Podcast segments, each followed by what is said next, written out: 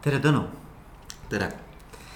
kõigepealt aitäh sulle, et sa oled nõus minuga selle aja võtma ja, ja rääkima võib-olla sinu jaoks küll igapäevasest äh, praktikast äh, tuttava teemaga nagu juhtimine, aga samas akadeemia maailmas on see äh,, ma arvan, nihuke omapärane, teistmoodi iseloomulik ja minule isiklikult väga akadeemia ja üldse akadeemiline maailm läheb korda ma olen ise veetnud Tallinna Ülikoolis äh, oma väga head aastad.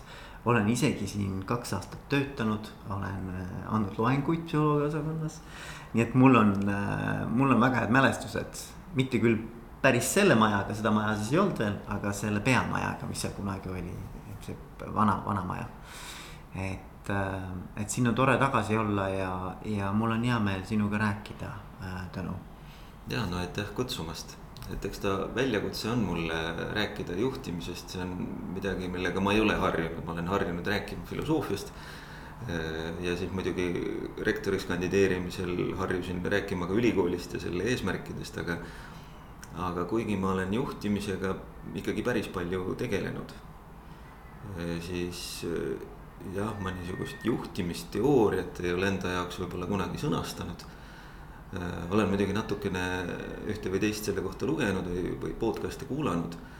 aga, aga juhtimise üle teoritiseerimine ei ole jah kunagi minu teema olnud, et see on see uudne aspekt, milles ma, millega ma praegu kokku puutun. ja, ja, ja teiselt poolt võib-olla ongi tore võib, võib-olla ongi hea võib-olla see annabki sellise värske pilgu ja teiselt poolt mind muidugi huvitab see, et mismoodi on sinu kujunemislugu ka äh, nii-öelda siis lahti rullunud, eks ole, et kuidas sa oled täna jõudnud siia, kus sa oled. et Tallinna Ülikooli rektoriks, eks, et, et, et juhtimine iseenesest ei ole sulle midagi uut, sest. et vaadates sinu tausta, siis sa oled ju olnud ka eh, humanitaarinstituudis eh, juhtival kohal mit, mitmeid aastaid, ma ei mäletagi, mis need aastad täpselt olid aga.... ja ma olin Eesti Humanitaarinstituudi rektor, eh, niikaua kuni ta ühines Tallinna Ülikooliga ja siis, äh, siis jätkasin, jätkasin selle üksuse direktorina. Äh, ja nüüd siis viimased viis aastat olen tegelikult olnud Tallinna Ülikooli Humanitaarteaduste Instituudi direktor mm. -hmm.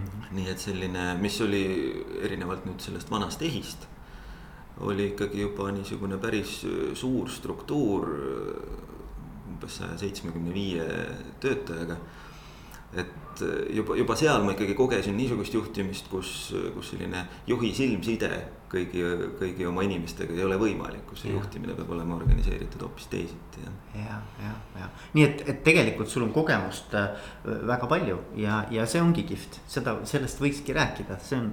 see on minu jaoks, see on tore ja seda lugu ei ole kellelgi teisel, see, see on sinu lugu ja, ja, ja inimestele läheb väga korda siuksed personaalsed narratiivid ja personaalsed story'd, personaalsed kujunemislood, et, et see on see, mis tegelikult inimesi. ega neid väga ei huvitagi see teooria, noh huvitab, aga, aga noh ikkagi no,. huvitab ikka, kes juhtida tahab. no seda küll jah, nõus, aga, aga, aga ikkagi inimlikkus ja see kogu see inimese ähm, sihuke noh, nagu päris enda lugu, et see on, ma arvan äh,, on, on kõige põnevam. aga võib-olla esimese küsimuse küsikski sinu käest, et, et äh, kas sa kunagi üldse kujutasid ette, tahtsid kunagi saada äh, juhiks? ei, vot seda ma vist küll ei kujutanud ette ma olen igasugusteks asjadeks tahtnud saada, lapsena tahtsin, ma mäletan, hulkuriks saada. kuna mulle meeldis lihtsalt ringi, ringi jalutada, uut, uusi kohtasid avastada, konnata. Äh, hiljem ma mõtlesin, et ma tahaks saada kas kirjanikuks või, või teadlaseks, õppejõuamet tundus ka okei okay.. Mm, õppejõuameti puhul mul siiamaani väga paelub see, see pool tööst, kui saab ennast nagu kursuseks või loenguks ette valmistada ja, ja midagi tundma õppida, neid ideid oma peas, peas luua ja, ja kokku panna ja lugeda. klassiruumi ees olemine või auditooriumi ees olemine, nii kummalisel kombel mulle üldse enam nii, nii tore ei, ei tundu ja nii palju naudinguid ei, ei paku. aga vot need on asjad, millele ma olen nüüd mõelnud, et mida ma, mida ma tahaksin teha hmm. aga juhtimine on tulnud justkui nagu häda pärast või või, või niimoodi, et on vaja. et keegi peaks nüüd, keegi peaks nüüd nagu võtma ja tegema. ja eks mingisugune kutse vist on olnud, noh, mulle on tundunud ilmselt kunagi, kui ma mõtlen, et miks ma, miks ma kunagi selleks EHI rektoriks hakkasin, et. et kas ma, kas ma tahtsin midagi korda saata, ma nagu mäletan ma nagu mäletan tollaseid jutte, et räägiti, et noh, et kuna meil on niisugune humanitaarteaduste instituut, siis siin peabki olema niisugune, et nagu hästi vaene, sest humanitaarid ongi hästi vaesed ja nii see käibki ja. mina mõtlesin, et huvitav küll, et kas nagu tõesti siis ikkagi peab nii olema ja kas ei anna korraldada asju nii, et need oleks äh, teisiti. ja oli küll võimalik, ühesõnaga mulle pakkus küll vist väljakutset see, selle tunde kättesaamine, et et ei pea asjad olema nii, nagu nad on kujunenud ja saab midagi ka selles äh, vägagi inertses maailmas, nagu on äh, üks haridus ja haridusasutus. Äh, et ka siin ikkagi saab midagi, midagi muuta ja, ja nende inimeste elu paremaks teha ja noh, sellega seda üritust ikkagi edendada, milleks üks haridusasutus on hmm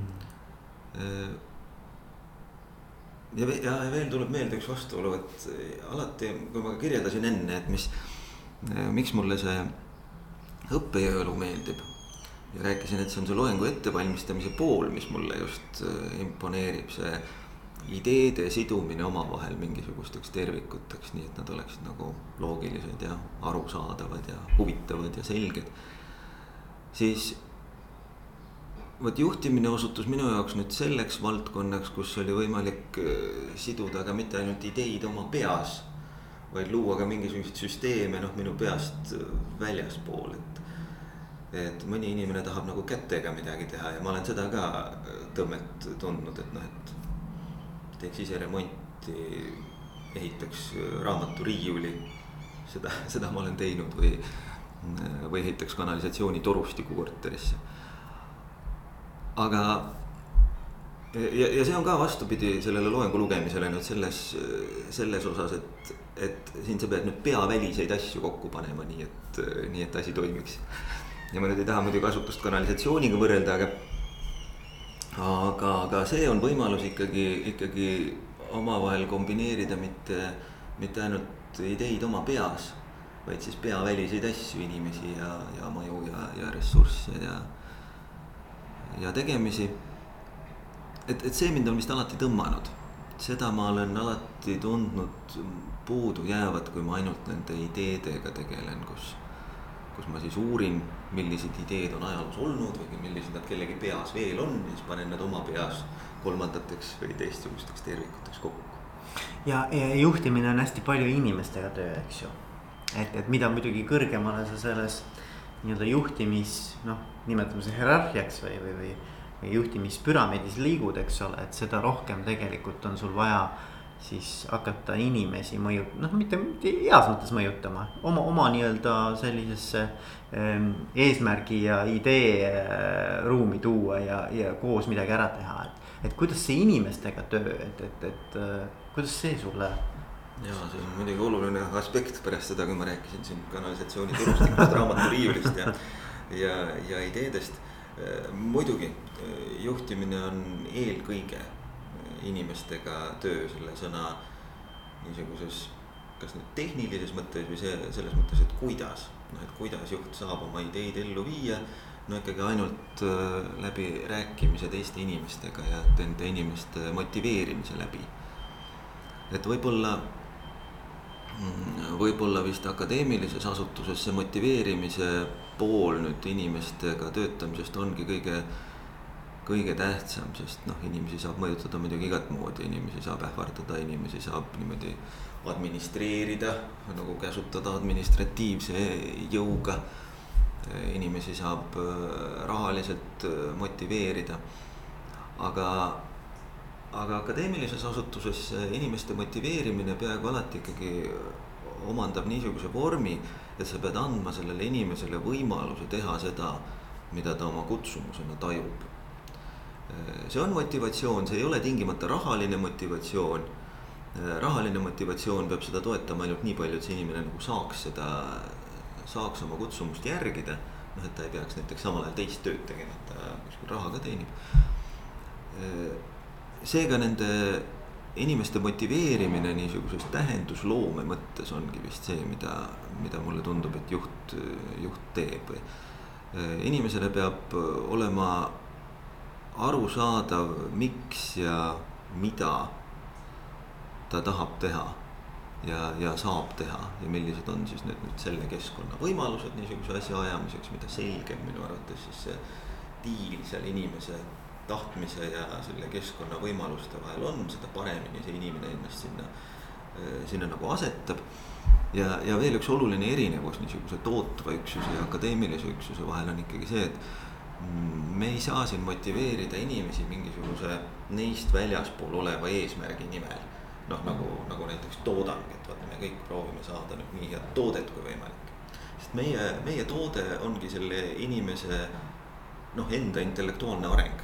Ühesõnaga, see inimene mm. peab ise jõudma uute ideedeni, millega ta suudab inspireerida üliõpilasi ja millega ta suudab siis äh, kirjutada artikleid, saavutada seal teadusmaailmas tunnustust äh,. osaleda, osaleda teadusprojektides ja nii, ja nii edasi, et, et meie inimene, meie, meie eesmärk ongi nende indiviididega, kes siis on ülikooli kokku tulnud nende niisugune kas nüüd isiksuslik otse areng, aga nende, nende selle osa isiksuse areng, mis, mis tegeleb siis teadmisega.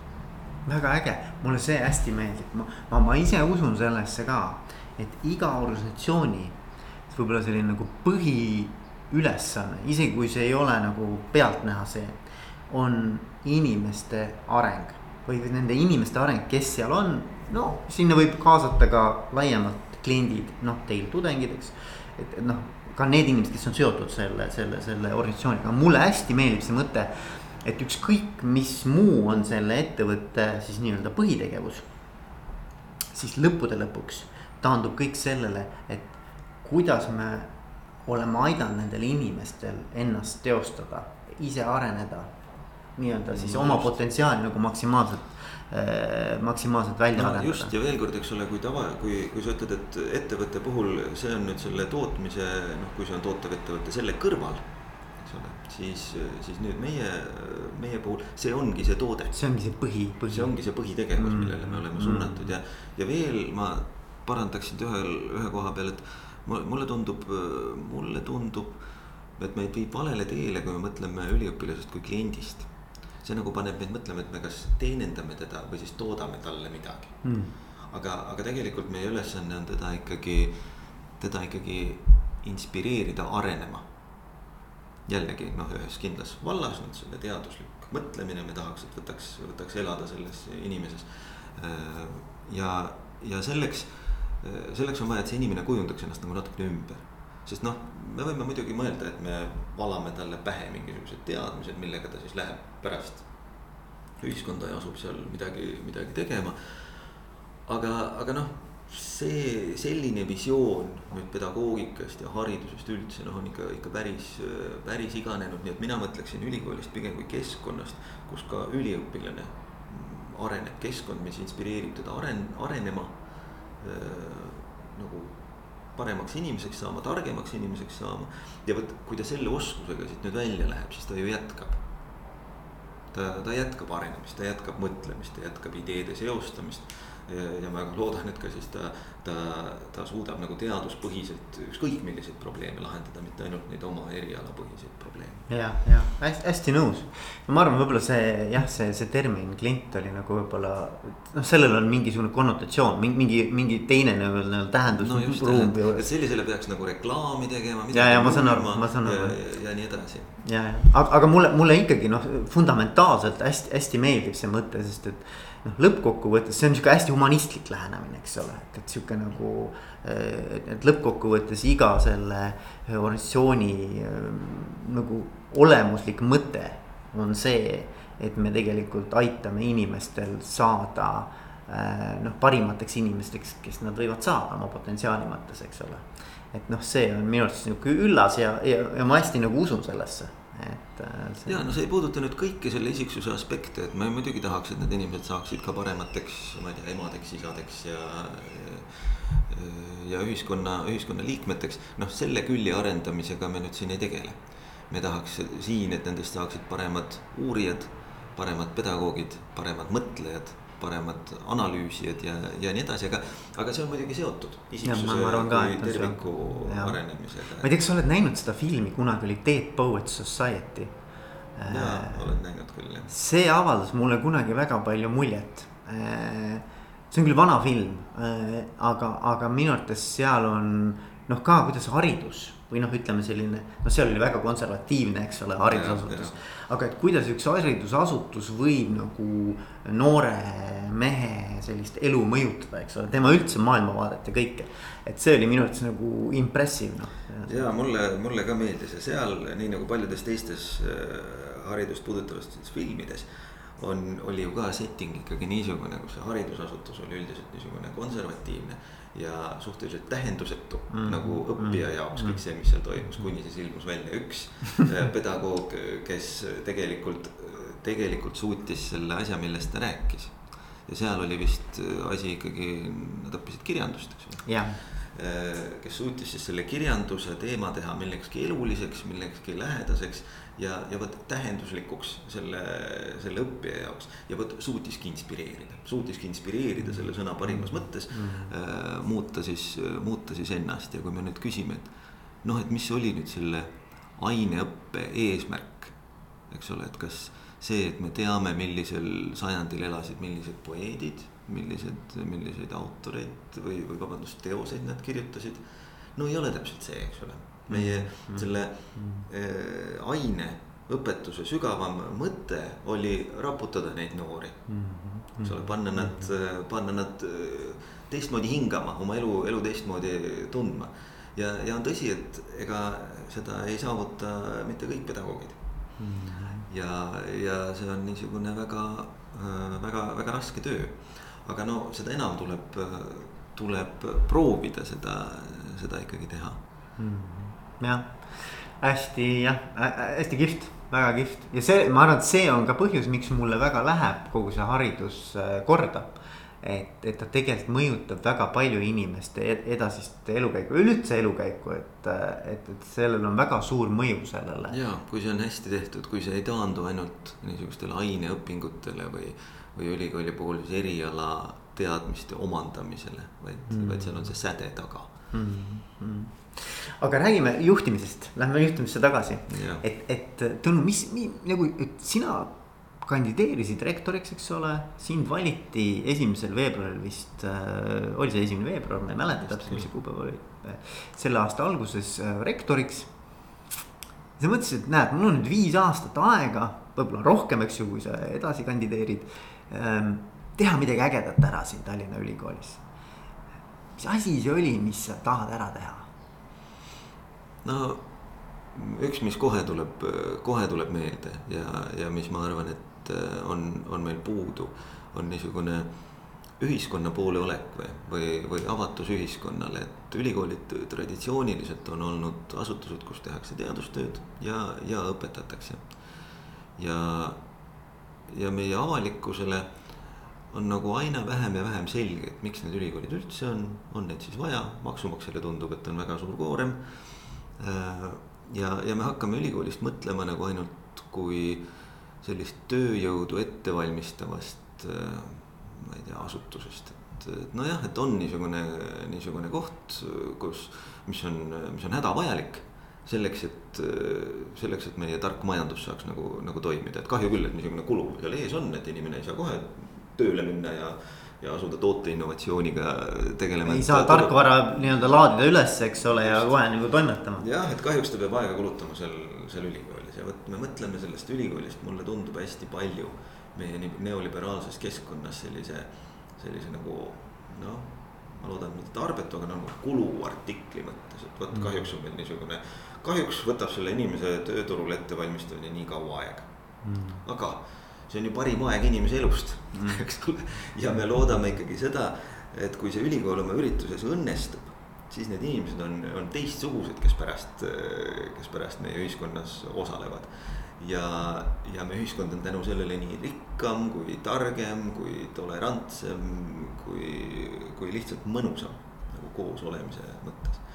Ja mulle tundub, et seda oleks vaja ühiskonnale rohkem, rohkem näidata nagu me võiks, me võiks kuidagi ühiskonna poole sellega rohkem avatud olla. ja, ja tänapäeval ka räägime selles niisuguses kontekstis, et mida me nimetame teadmussiirdeks. et äh, sellega on kõik nõus, et ülikoolide tarkus võiks, võiks voolata kuidagi äh, tootmisesse niimoodi, et noh, meie tootmine oleks nutikam ja kasumlikum. Äh, sellest saavad kõik aru, aga lisaks sellele võiks, võiksid ülikooli nii-öelda pehmed teemad sotsiaal- ja humanitaarteadustes näiteks jõuda meie ühiskonda selleks, et meie ühiskond oleks mõnusam, toredam. õnnelikum. õnnelikum, täpselt, et sellised, et selliste teemadega me ka panustaks ühiskonda, et ühiskond üldse õpiks mõtlema selliste, selliste asjade peale. seega, mis, seega ma siis olen mõelnud jah, et üks niisugune keskne asi on selle, see, see ülikoolis toimiv nagu ühiskonnale välja näidata ja, ja mitte ainult tooteparanduse sfääris, vaid ka kogu elu parandamise sfääris, noh näidata, mida sellel ülikoolil äh, pakkuda on. veel üks niisugune lihtsamini arusaadav näide on, on haridusinnovatsiooni sfääris. mina arvan, et ülikoolis tehakse väga head tööd, teadustööd äh, selles osas, milline peaks olema üks hea ja õnneliku lapse haridus. Ja see jõuab päris mm, visalt nagu meie koolideni ja meie tegevuspraktikateni lasteaedades ja, ja, ja koolides.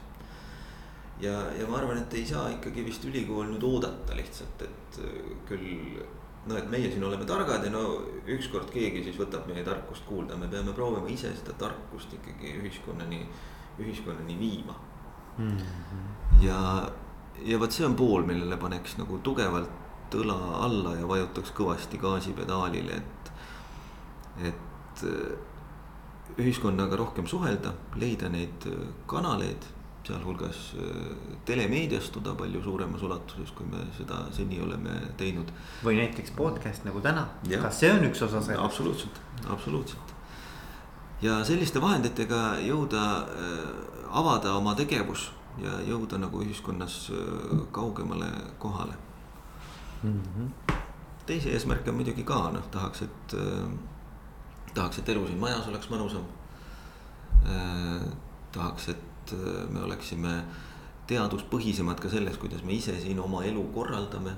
noh, näiteks selliselt, et kui me äh,, kui me tahame olla rohelised ja jätkusuutlikud, siis mõtleksime väga läbi, aga et mida meie siin siis selleks, selleks teeme või kui me räägime targast valitsemist ühiskonnas, siis, siis vaatame ka teaduspõhiselt, kuidas meie ise seda ülikooli oleme juhtinud ja mida siin saaks, mida siin saaks parandada mm. -hmm. väga äge. niisugused organisatsiooni ehitamise mõtted natukene on ka.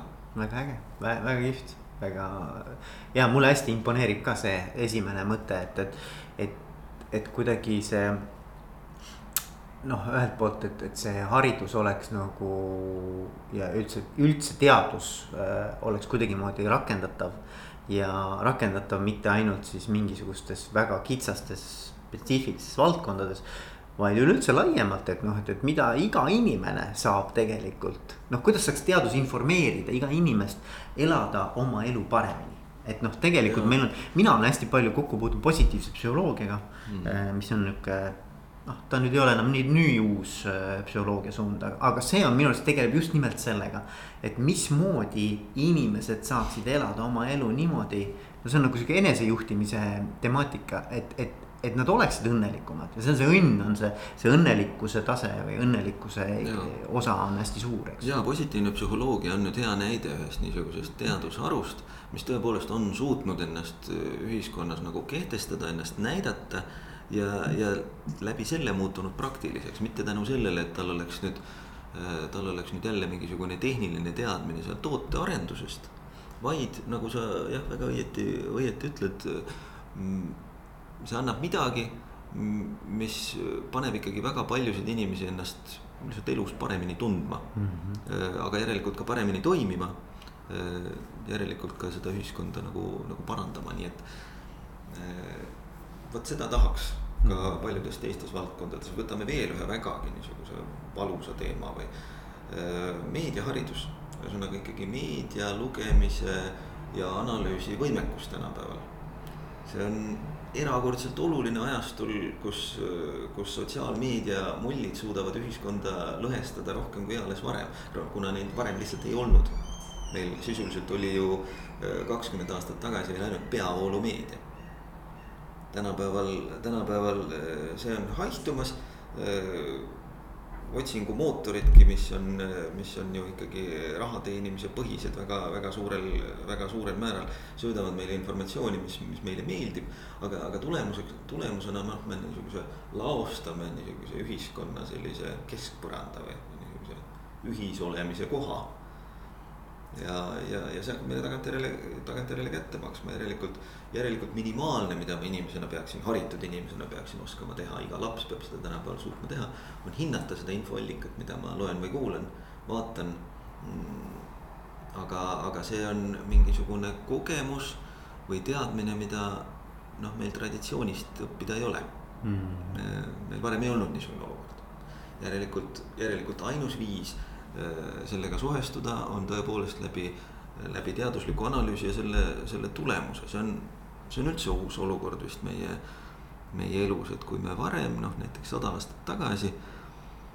enamus inimesi võis elada nii hästi, nagu see ühiskond lubas, lihtsalt tänu sellele, kui nad tegid nii, nagu nende vanemad ees olid teinud. ja niisugune elu on kestnud aastasadu ja aasta, aastatuhandeid. siis vot tänapäeval tänu tehnoloogia arengule me oleme jõudnud olukorda, kus sellest ei piisa, me ei mm. orienteeru selles maailmas ära. juhul, kui me teeme ainult nii, nagu, nagu minu vanemad tegid. see on, see on kõigile väga ilmne, aga nüüd teine pool ei ole ilmne, et aga kuidas siis, kust ma saan õppida, kuidas siis mm. -hmm. ja, ja siin ma arvan, on niisugustel teaduspõhistel pakkumistel ikkagi väga oluline, väga oluline eelis kõiksugu muude inspiratsiooniallikate juures, noh, kus inimesed räägivad seal erinevalt. mis nende oma kogemusest nende jaoks on töötanud, kus inimesed äh,. inimesed nagu niimoodi kuulujutu baasil või teiste matkimise baasil ehitavad, ehitavad üles oma, oma elusid äh,. kuna see kõik on läbi testimata, no vot siis niisugused teaduspõhised katsed on üliolulised kogu selles, kogu selles soustis et, äh, et informeeritult ikkagi oma elu juhtida jah. ja siin on jälle midagi, mida ülikool saab teha. kindlasti jah, et mõelda, kui palju meil tegelikult on kogu aeg infot, mis tuleb erinevatest allikatest, eks ole. et seda on nii palju, et tegelikult ega selles ongi väga keeruline orienteeruda. ja, ja inimeste mälu või see tähelepanuvõimekus on ju, ju ühikutes no, ju no, väga, väga, väga nihuke noh, kitsas, eks. et no, et ähm, et noh, seda peab ikkagi hästi teadlikult ise juhtima, millele sa oma tähelepanu pöörad. muidu, muidu noh. jah, ja iga nutiseade selle, selles olukorras, iga telefon toob tegelikult meieni piisavalt aju stimuleerivat äh, infot suvalises järjekorras niimoodi, et sa võidki seda sa võid jääda sinna. sa võid uus, noh sinna maailma võid ära uppuda nii-öelda, eks ole, et see on õige muidugi jah, jah, on küll jah. jaa, äge väga äge, kas, kas sa ise jääd muidu äh, õppejõuks ka, oled, oled sa samal ajal, äh, pead mingit professuuri ka või, või kuidas, kuidas? ei pea, ei pea., minu professori leping on ikka täitsa, täitsa peatatud, ma muidugi jätkan oma doktorantide juhendamist. ja, ja ma väga loodan, et ma mõnikord pean mõne kursuse ka, aga noh, nüüd näiteks sügissemestril mul ikkagi ühtegi äh, ühtegi plaanis ei ole, aga no ma, ma vähemalt ikkagi osalen mõnel ühel ja teisel kursusel ühe või teise loenguga mm. -hmm. ja ma arvan, et see, vaata siin on jälle minu arvates nagu hästi kihvt see, et. Äh, et noh, mis, mis juhtub, eks ole, ma ei, ma ei ütle, see sinu puhul on niimoodi, aga mis juhtub tavaliselt on see, et äh, parim ekspert, kes on meeskonnas, eks ole. valitakse ikkagi nagu juhiks, eks ju. ja siis on nagu noh, ma ei räägi üldse akadeemiast praegu, no kuigi akadeemias ma arvan, et midagi sarnast, eks ole, noh. väga sarnane. väga sarnane, eks ole, valitakse siis nagu selle kamba juhiks ja kõik tundubki nagu ju õige selles mõttes, eks ole. ja nüüd on küsimus, et, et kas see inimene peab nüüd tegelikult ümber orienteeruma, eks ole, ta, ta, ta peab mõnes mõttes nüüd sellisest indi, individuaalsest nii-öelda panustajast saama siis, siis nii-öelda selliste inimeste eh, juhiks. ja see eeldab nüüd päris suurt muutust tema fookuses, et nüüd tema edukus sõltub nende inimeste edukusest, mitte tema, tema enda edukusest ja see ma olen näinud nagu noh, ma ei, ma ei tea, ma ei oska ülikooli äh, konteksti seda panna äh, või, või haridusasutuse konteksti, aga, aga tavaliselt on keeruline nendel inimestel nagu lahti lasta sellest. noh, nii-öelda sellest ekspertlusest, eks ole, sest nad tahavad kogu aeg nagu käed ikkagi sinna sisse panna, eks. et ma ei tea, kuidas, kas, kas see üldse nagu, kas see metafoor või, või see analoog nagu, kas, kas see üldse nagu pädeb praegu kuidagimoodi? oi, pädeb väga pädeb väga ja, ja, ja kõnetab väga, et kahes, kahes mõttes vähemalt, et üks on jah, see, et. et sa oled harjunud olema nagu ise niisugune eh, eesliini tegija, noh, selles mõttes, et sina künnadki seda põldu, eks ole, mhm. oledki näiteks õppejõud. ja, ja võtad, võtad sageli juhtimisse kaasa selle noh, et mina olengi see, kes teeb kõiki asju mm. -hmm. ja võib-olla siis unustad selle juhtimise ära, eks ole, et sinu ülesanne ei ole praegu teha kõiki asju, vaid ikkagi organiseerida, et need asjad saaks tehtud.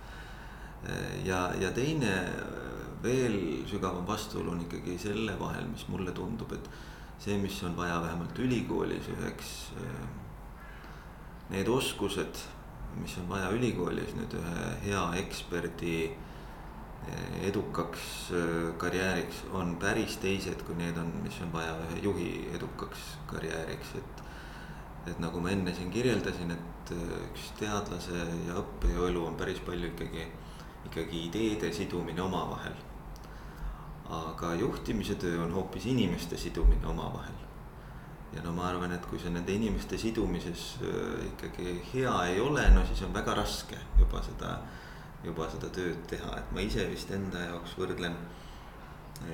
võrdlen seda niimoodi, et kui teadustöö või, või ühe niisuguse loengu ettevalmistamine, et see on umbes nagu. no see on ideede sidumine selles mõttes on nagu oleks ühe luuletuse või poeemi kirjutamine, et sa valid õige rütmi, õiged sõnad ja õige rütmiga üheks, üheks tervikuks. siis juhtimine on nagu romaani kirjutamine et siin on vaja väga palju väga väikeseid detaile otsapidi kokku viia selleks, et see tervik hakkaks tööle, kusjuures need, need detailid on nagu eri. noh, eri kategooriatest ja eri omadustega, siin on inimesed ja nende omadused, sa pead suutma ju omavahel koostööd panna tegema inimesed, kes. noh, võib-olla, võib-olla eraelus ei oleks suurimad sõbrad. sa pead viima nad mingisugustesse olukordadesse, kus isegi sõltub, kuidas sa oled. millise laua ja millised toolid sa oled sinna pannud, kas nad istuvad nagu kantslist, kuulavad mingisugust juttu või nad on ümber ümmarguse laua ümber sinu või. ühesõnaga kuni selleni, millised inimesed, millised on nende motivatsioonid, kuni selleni välja, et kus, kus asetsevad äh, toolid ja mis kell süüa saab, et sa pead niisugused asjad kõik viima omavahel kokku selleks, et äh, selleks seda juhtimisülesannet teha, nii et. Äh, nii et see vastuolu on jah, päris suur nende oskuste vahel, mis on vaja mm. heaks mm. teadlase mm. tööks ja, ja heaks juhtimise tööks. aga ma arvan, et see arusaamine ülikoolis on ka päris levinud, et, et see nii on, et vist ei kujuta. noh, ma ei, ma ei tea, kas, kas nüüd kõik tugevad teadlased arvaksid, et nad on tingimata väga tugevad juhid Äh, vähemalt vastupidi ju niisugust äh, kujutlust ei ole. ja, ja ma arvan, et nii teistpidi, teistpidi ka ei ole. ja see on põhjus, miks mina olen seda ka nagu kuidagi rütmiliselt seda juhtimise tööd valinud või. ma tean küll, et see on hoopis teiste oskuste arendamine endas, et muidugi on natuke kahju. Äh, vot teadlase ja õppejõu karjäär on selline hästi hierarhiline, sa pead, pead eelnevale ehitama. et kahju on sellest ajast, et nüüd vahepeal vot ma ei tegelenud nende ideede linkimisega omavahel, siis jään nagu natukene maha ja. ja ei jõua, ei jõudnud nii palju asju kirja panna ja, ja, ja see pool. aga, aga inimesena jälle on muidugi juhtimine võimalus äh, väga palju, väga palju areneda. ja, ja, ja just nimelt arendada endas külgi, mida õppejõu või teadlasena kunagi ei arendaks. ja, ja, ja on küll jah, ma ja, ja see mõju on ka, eks ole, vaata noh, selles mõttes sa võid mõelda, et õppejõul on samamoodi sul väga suur mõju läbi kõikide nende erinevate inimeste, keda sa mõjutad, eks ju. aga, aga ma arvan, et äh, ülikooli rektorina see mõju on noh, on võimalik, et ta on palju-palju veel suurem, eks ole, et tegelikult äh, see mõju ulatus on äh, hästi suur. Jah, ta on küll kaudsem, eks ole, et kui, kui nüüd õppejõud mõjutabki seda üliõpilast otse noh, siis, siis rektor saab mõjutada nende tingimuste kaudu, mis sellel õppejõul on. Ja, ja selle kaudu, kas see töö on, kas see töö on siis väärtustatud või mitte või, või, või jälle selle tähendusloome juurde tagasi. ma arvan, kõige rohkem sõltub sellest, mida see õppejõud ikkagi oma tööst mõtleb, millise tähenduse ta sellele omistab, millise tähenduse ta omistab sellele, et mina, ma nüüd, mida ma pean siin tegema, et kas ma pean selle aine ära andma kas ma pean tagama selle, et üliõpilase peas on nüüd mingisugused valemid või tehted pärast seda. kas ma pean proovima neid vaimustada? kas ma pean proovima neid muuta neid isiksusena, no vot see, millise mõttega see õppejõud sinna klassiruumi läheb mm, -hmm. on, ma arvan, päris, päris, päris otsustav. ja, ja mis, kas on keegi, mõni juht see võib olla ka eelnev rektor või, või keegi, kes on haridusasutust juhtinud. sinu jaoks ka eeskujuks, kas on mõni inimene, keda sa vaatad selle pilguga, et kuule, seda ma imetlen tema puhul, et see on see asi, mida tema teeb jube hästi ja, ja mul on, ma, ma tõesti vaatan nagu. ja, ja muidugi, et äh, ma, kuna ma olen kogu elu äh, veetnud akadeemilises maailmas, siis mul nagu neid näiteid väljastpoolt ju otsida ei olegi et mind inspireerivad juhid ongi, ongi olnud ülikoolide, kas siis ülikoolide juhid või instituutide eh, juhid. Ja noh, näiteks kui ma siin eelnevate rektorite peale mõtlen Tallinna Ülikoolis, siis eh, no neil on kõigil eh, külgi omadusi, mida mina kindlasti ei suuda järele teha, ma vaatan, et vau. et, et see mees suutis niisugusest asjast selliste vahenditega teha mingisuguse väga hästi toimiva, toimiva süsteemi jõuda, jõuda mingisuguste tulemusteni. ja noh, ma tajun kohe ära, et noh, minul sellist ressurssi või kohta küll ei ole, et ma, ma ei oska seda teha. Ma ei, ma ei saa.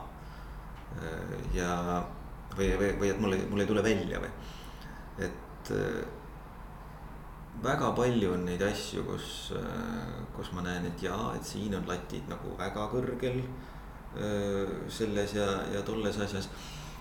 Ja ega muud ei jää üle, kui kompenseerida neid mingisuguste enda, enda tugevustega, sest ega juhtimist ju kopeerida ei saa. Mm.. Ei, ei saa teha nagu, nagu teine juht on ees teinud, noh siis, siis kukud kohe, et sa pead ikkagi need enda tugevused rakendama mm. -hmm. aga kas, kas sa julged ka öelda mõne, mõne asja, keda, mida sa oled mõne inimese puhul imetlenud? vot ma mõtlen, kas ma julgen ei pea ütlema, ei pea, ei pea. aga, aga kui me räägime sinu tugevustest, mis sa enda tugevused kõige suuremaks tugevuseks pead? no mulle tundub, et selline meeskonnaloome. Eh, et eh, mis mul, mis mul enda arvates ikkagi nüüd juba päris mitu korda on varem õnnestunud ja praegu väga loodan uue rektoraadiga ka on, on see, et selline lähem minu ümber olev, olev meeskond äh, tajub ennast väga, väga motiveeri-, motiveerituna ja, ja tajub ennast ka sellise noh, kaasatuna ja usaldatuna või siis, äh, siis asjade tegemiseks. et äh, kui mul nüüd seekord see ei õnnestu, ma peaksin seda ülisuureks läbikukkumiseks või no õigemini proovin, proovin sel juhul kuni, kuni. õnnestub, jah, jah aga, aga mulle tundub jah, et ma olen seni suutnud seda, seda käivitada. ja tegelikult ju alles, alles siis selgub, äh, kui see, kui see meeskond on käivitunud, milleks, milleks me võimelised oleme. et seni on see kõik niisugune mäng suhteliselt äh, ennustamatute lubadustega, sest äh, noh, me ei tea, millised on nende millised on nende võimaluste piirid, mida me, mida me saame teha ja noh, ega siis ja, ja nüüd see, mida, mida saab teha rektor üksi, noh, nende võimaluste piirid on päris ahtad, et mm -hmm. kui ma peaksin ainult sellega mängima, siis ja. see oleks väga vähe. aga, aga kuidas, kui, kui sa noh, paari sõnaga oma neid äh, tõekspidamisi meeskonna loomisel lahti räägid, et kuidas sa näiteks panid äh, tänase siis äh, juhtmeeskonna Tallinna Ülikoolis kokku, et, et et see oli päris suur seltskond, ma, ma isegi olen vaadanud seda, seda videoesitlust no,.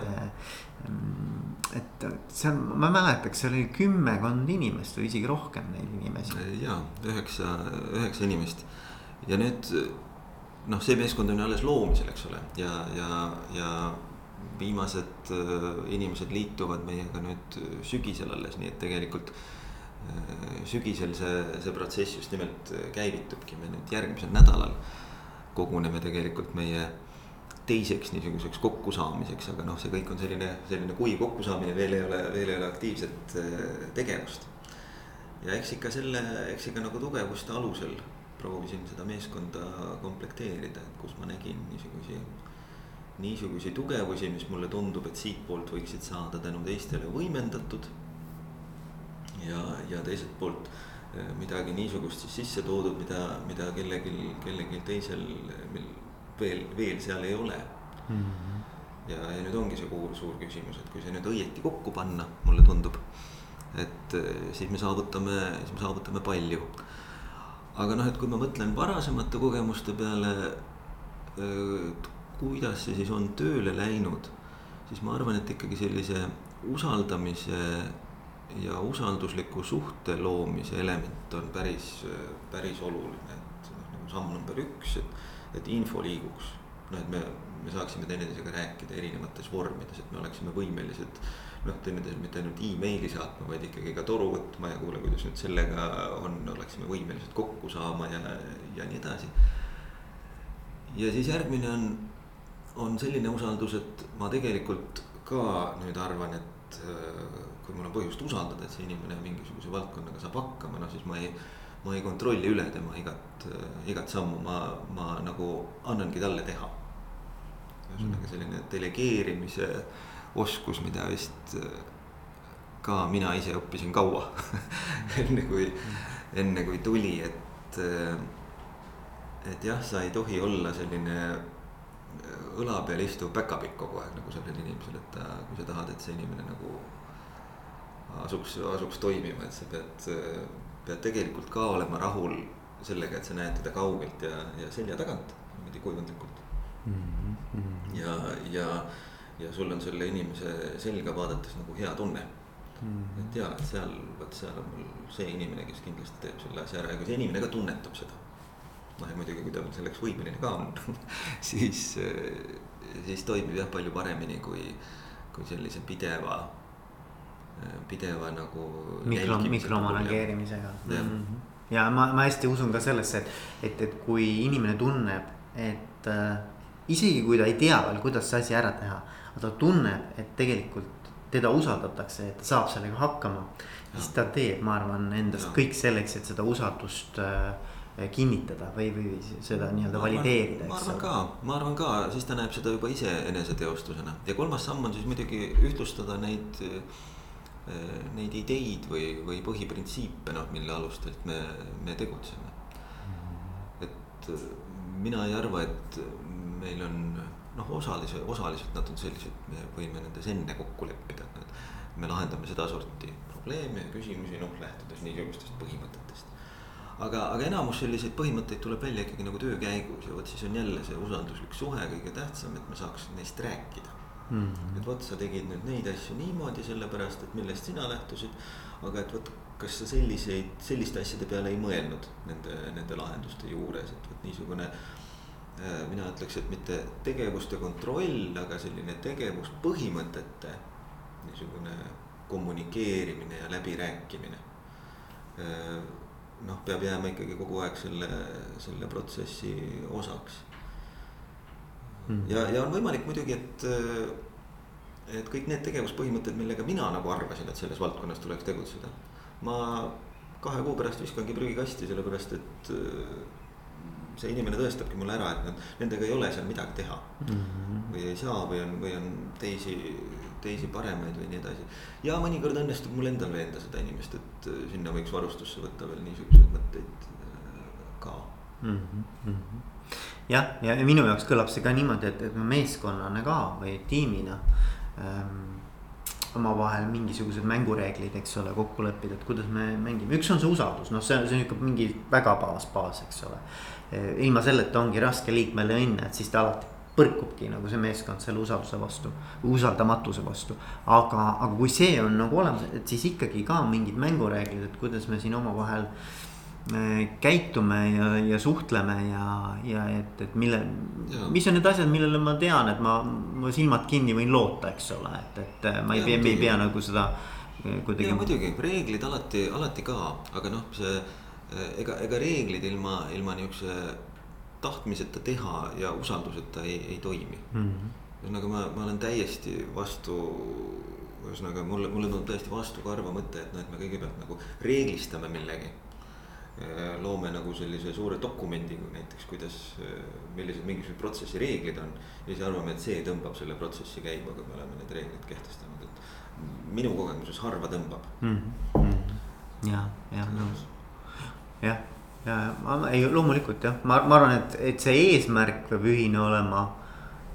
et kõik teavad, mis, mis see eesmärk on, mi, mi, mida me siin ajame koos. ja teine asi, et siis ka see ühe, ühine usaldusbaas ja, ja siis võib rääkida sellest, et kuidas me nüüd siis jõuame sellele lähemale iga päev, et me saame iga päev õhtul koju minnes öelda et me oleme ühe sammukese jälle nagu selle eesmärgi poole koos edasi liikunud. no just, et ma lähen koju hea tundega, et ma Äh, ma, ma sain midagi teha. Äh, ja ma olin volitatud tegema ja ma olin usaldatud tegema, no ühesõnaga ikkagi jah, ma tahaks öelda, et see usaldus on esmane ja siis need reeglid ikkagi teised, need reeglid.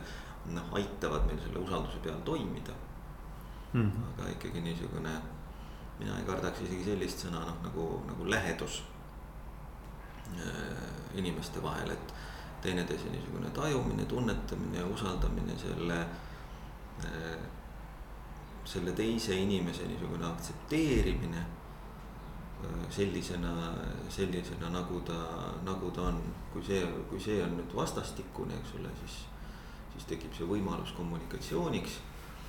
ja, ja kui kommunikatsioon on toimunud ja seal on usalduslikud põhimõtted alusel, noh siis saab juba muidugi mugavuse pärast ja efektiivsuse pärast mitmeid asju reeglistada mm. -hmm kas viis aastat on piisav? oleneb milleks et noh, meeskonna loomiseks ma arvan ja, ja käimapanekuks noh, on ta liigagi pikk aeg, ma ju loodan sellega hakkama saada palju varem. nüüd, kas ülikool saab viie aastaga valmis? noh, kindlasti ei saa kunagi valmis. kindlasti mitte aga, aga ma arvan, et mingisugused eesmärgid peab proovima viie aastaga saavutada, jah mm. -hmm mm -hmm. tegelikult ongi minu arust see aja, aja, aja temaatika on ka huvitav, et, et inimestel on kalduvus äh, kalduvus nagu üle hinnata minu arvates seda, mida nad äh, lühiajaliselt suudavad ära teha ja alahinnata, mida nad nagu pikaajaliselt suudavad ära teha. ja muidugi. et, äh, et kuidagi see aja perspektiiv on ka nihuke nagu kallutatud inimeste minu arvates sellises tajus nagu et viis aastat tegelikult on väga noh, ikkagi nihuke väärikas aeg, viis aastat, eks ole. et, et kui sa võtad inimese elust, siis see on ikkagi päris sihukene noh, protsentuaalselt ikkagi juba nagu tükk, eks ole. no just, just, et seda ju ei tahaks tühja, eh, seda ju ei tahaks tühja istuda. aga, aga sellest ajatajust jah ka, et me oleme tõesti, me kaldume eh, me kaldume jah tegelema nende päeva sisse jooksvate küsimustega. Ja niimoodi siis kaotame oma päeva või noh, ühesõnaga unustame, unustame teha sinna päevapesa sellele, sellele ajale, mis peaks olema kumulatiivne tõesti niisuguste pikkade mm, -hmm. pikkade tuleviku eesmärkide nimel. kaotame need nagu, kaotame need nagu silmist ja oleme sihukeses noh, operatiivjuhtimise või, või mikromanageerimise mullis justkui, justkui kogu aeg, kogu aeg on see psühholoogiline tunne on hästi tuttav, et see on see, et kogu aeg on hästi kiire. ja kogu aeg lahendan hästi kiirelt neid, neid sissesõitvaid küsimusi, no vot, kui niimoodi pikalt teha, siis muidugi viie aasta jooksul ühtegi eesmärki peaaegu et ei saavuta. siis need asjad juhivad pigem sind, mitte, mitte sina ei juhi seda, mida sa päriselt tahad ära teha. ja see on, see on jah ka, et sihuke, ma mäletan kunagi oli äh, oli üks sihukene hästi näitlikustatud äh, noh, see ei ole katse ega eksperiment, aga, aga lihtsalt sihukene nagu. see püüti nagu selgeks teha, et, et, et millele sa peaksid keskenduma, et, et võeti üks suur klaasist purk. olid laua peal oli hunnik suuri kive, väikseid kive ja siis liivapotsik, eks ole sa tead seda? ma tean seda jah ja,, liiva mahub alati juurde. just ja, ja, ja et need suured ei mahu siis, kui sa ei ole need kõigepealt sinna mm, pannud. no just jah. et noh, see siis nagu siis äh, kuidagi siis esindas neid väga olulisi äh, tegevusi või eesmärke, mis, mis ei saa muul moel tehtud, kui sa neile eraldi nii-öelda aega või tähelepanu, energiat ei pöörenda. no ja minu, minu jaoks, kus ma olen selline nagu aeglane inimene vist. on see aja manageerimine juhtimise juures alati olnud väga, väga suur ülesanne ja ma, ma tean küll jah, et ühesõnaga ja, ja parematel hetkedel suudan seda, suudan seda ellu viia, et ikkagi need äh, olulised ja pika perspektiivi asjad esimesena ja siis need jooksvad asjad kõige, kõige lõpus. aga, aga noh, muidugi alati, alati ei õnnestu, mm -hmm. minu, minu siis elu koosnebki sellisest, sellest ideaalist, selle mõnikord kehtestamisest ja äravajumisest sealt äh, aga, aga no ma vähemalt olen teadlik, kuhu tuleb ja, liikuda. ja, ja, ja, ja, ja millal sa, Tõnu, tunned ennast edukana? ma arvan, ma, ma vist olen selline tulemusele orienteeritud juht või ühesõnaga siis, kui, siis kui midagi saab ära tehtud või midagi on tõepoolest muutunud või. et ma vist seda, sellena ma mõõdan seda edu, et see, kui mul noh, kui ma lihtsalt niimoodi kibedalt toimetan päev, päev läbi et ega siis ei tunne mm. -hmm. et äh, ikka ainult siis, kui, kui niisugune enda seatud eesmärk. noh, et selleni on tõesti jõutud ja, ja noh, niisuguse suurema asutuse puhul on ju alati, et, et selline kursi muutus või noh, ta võtab kaua aega ja nagu rahulikku tegemist, et noh, et siis ma ei taha seal suurt laeva pöörata ja paanikas mööda tekki edasi-tagasi ringi joosta, et. Äh, võtabki kaua aega ja, ja, ja nüüd arvestades veel, veel ikkagi ülikooli, kus me tahame kaasata ju kõiki inimesi, siis veel selliste inforingide ja demokraatlike niisuguste otsustuskogude läbimine. ta, ta ongi hea ja, hea ja vajalik. -hmm. aga no seda kindlamini see laev siis lõpuks pöörab, kui see asi on õieti disainitud, et mm. -hmm. ja, ja need protsessid õieti läbi viidud, et ega ju. ega ju ülikooli niimoodi jälle administratiivse jõuga saab muuta ülikooli ja tegevusi. aga on vähe tulemuslik nagu tagajärgede osas selles mõttes, et niikaua kui nii inimesed ei usu ja ei saa aru. miks see otsus selline on. ja, ja meie puhul veel inimesed on kõik väga kõrgelt haritud, väga, väga targad mm. -hmm. noh, nad oskavad simuleerida ikkagi mida iganes ja, ja selles mõttes ainus võimalus ikkagi ongi inimeste veenmine ja nüüd selleks on vist kaks viisi siis alati, et üks asi on see kuidagi otsus administratiivse jõuga ära teha ja neid veenda sellest tagantjärele. et, et see oli hea otsus ja teine viis ongi neid veenda siis kõigepealt ja, ja hästi pikalt rääkida, miks mingisugune variant võiks olla, võiks olla hea. ja sel juhul, kui see otsus on tehtud, siis ka kohe läheb mm. -hmm. et mõlemal, mõlemal juhul see võtab kaua aega, aga mulle tundub, et äh, niisuguse vaimse õhustiku mõttes on see, on see teist tüüpi aeglus parem mm. -hmm. aga millal sa viimati tundsid seda edu, seda, seda edutunnet? no tühi, see on siis äh, Tallinna Ülikooli Humanitaarteaduste Instituut, mida me siin omavahel kutsume tühiks mm.. tühi juhtimisel seadsime me niisuguse eesmärgi ka just lähtudes sealt välja kujunenud olukorrast siis, et äh, vot me oleme siin me oleme siin kõik humanitaarid ja humanitaaride palgad teadagi on ülikooli kõige madalamas otsas ja nii on alati olnud ja teistes ülikoolides on ka nii ja ja, ja see oli koht, kus ma mõtlesin, et no ei pea see asi nii olema. et me mm., et me tegelikult äh, suudame ennast teisiti ka organiseerida. ja plaanisime ikkagi päris niisuguseid ulatuslikke reforme, mis seal võtsid aega kolm-neli aastat ja viisime oma palgad äh, peaaegu kahekordseks enamikel ametikohtadel mis on tänaseks siis jõudnud niisugusele ülikoolide keskmisele tasa, tasemele, kuna tühi on nii suur, siis ta tegelikult veab nüüd seda ülikooli keskmist, keskmist muidugi ees. ja no see oli näiteks olukord, kus mulle tundus siis, kui me lõpuks, lõpuks siis mitme, mitme aasta pärast sinna jõudsime, et ikkagi me, ikkagi me selle eesmärgi saavutasime, siis mõtlesin, et vot tundus uskumatu, kõik ütlesid, et noh, et nii ei saa, aga noh mm., pinguta ikka, et, et noh, kui tuleb kasvõi natukene on hea aga, aga saime. väga äge, väga äge, väga, väga kihvt. väga, väga tore, hea kuulda seda mm. -hmm. et jah, midagi on võimalik isegi, isegi nii inertses struktuuris, nagu seda on, seda on akadeemiline asutus ja jah, ja ma arvan, et isegi nagu liiga suur võõrandumine või noh, mingid otsused selle juurde olid ju ka valusad ja ebamugavad ja, ja rasked. et isegi, isegi selle ebamugavuse ja raskuse nagu ületasime nende, nende aastatega mm. -hmm.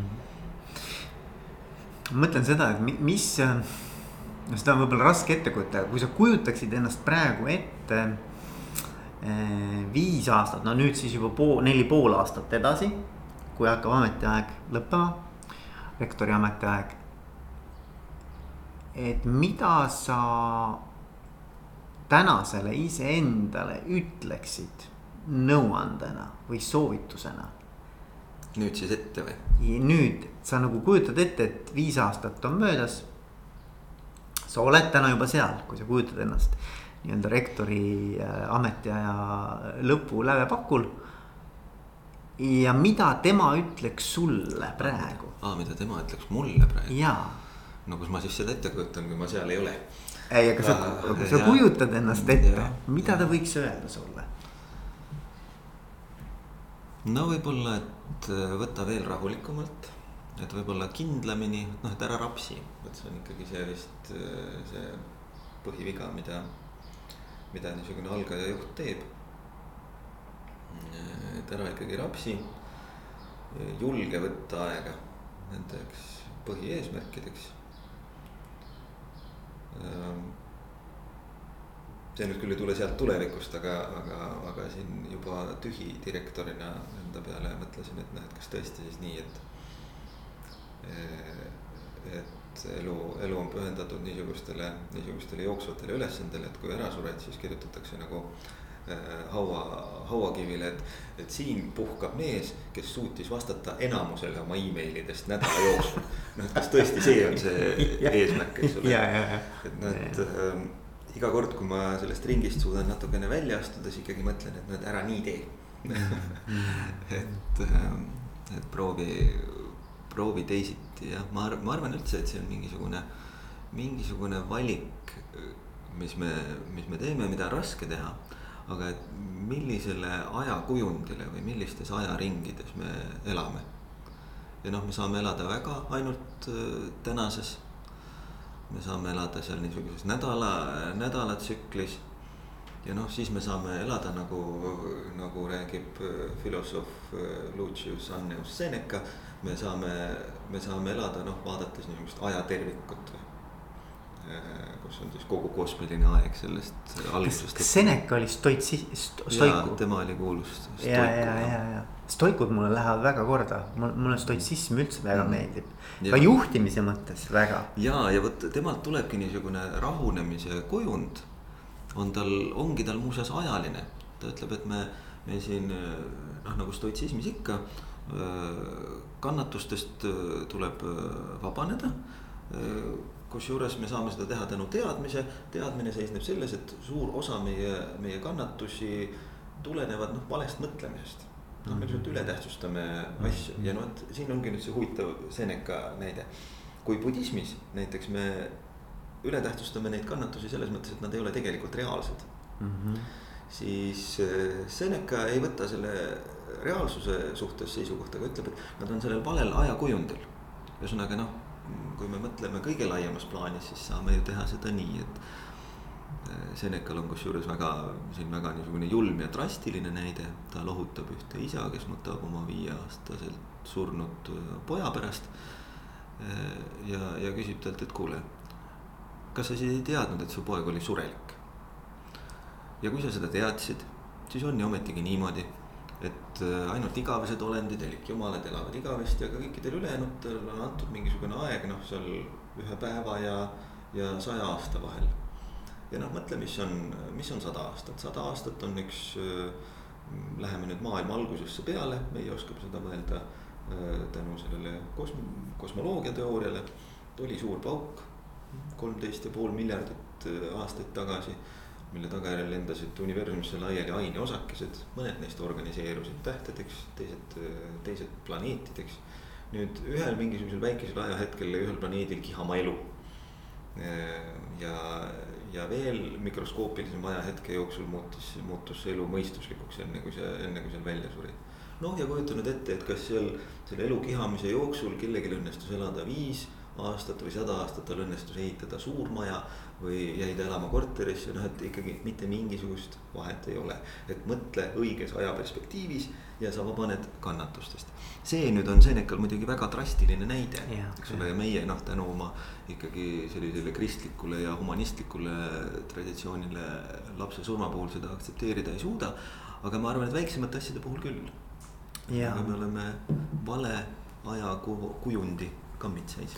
aga kas, kas, kas noh, nüüd võib-olla lähme nagu, aga mulle meeldib, mulle väga meeldib, kuna sa oled filosoof, siis meil on väga, väga kihvt äh, see arutelu, et mm, üks asi, kas, kas see tuleb ka stoikudelt see, et ähm, kui mul on midagi halba minuga juhtub, midagi, mille, mille, mis teeb mind õnnetuks noh, võib-olla see ei ole hea näide, mida sina tõid, eks ole, et mul noh, surm on liiga võib-olla ränk, eks ole.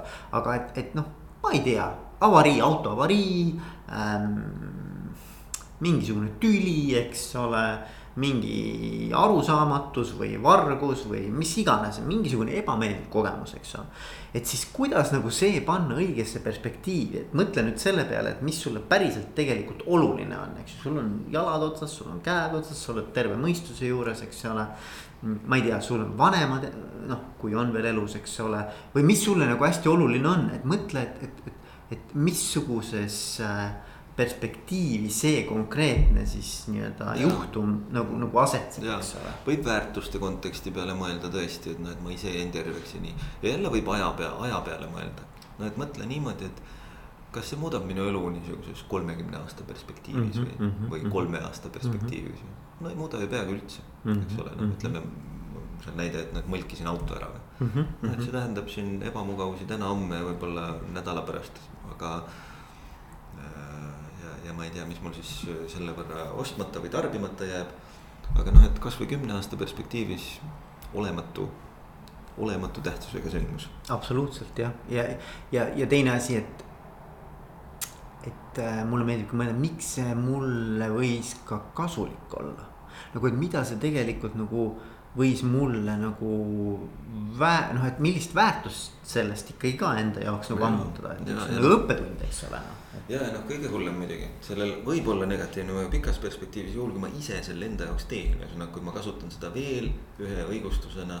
noh, kibestuda mm, -hmm. muutuda -hmm. niisuguseks väga-väga negatiivseks oma, oma kogu ellu suhtumises no vot sel juhul siin on pikk perspektiiv olemas, väga õudne pikk perspektiiv olemas mm, -hmm. aga süüdi ei ole ju mitte see sündmus, vaid, vaid minu enda suhtumine.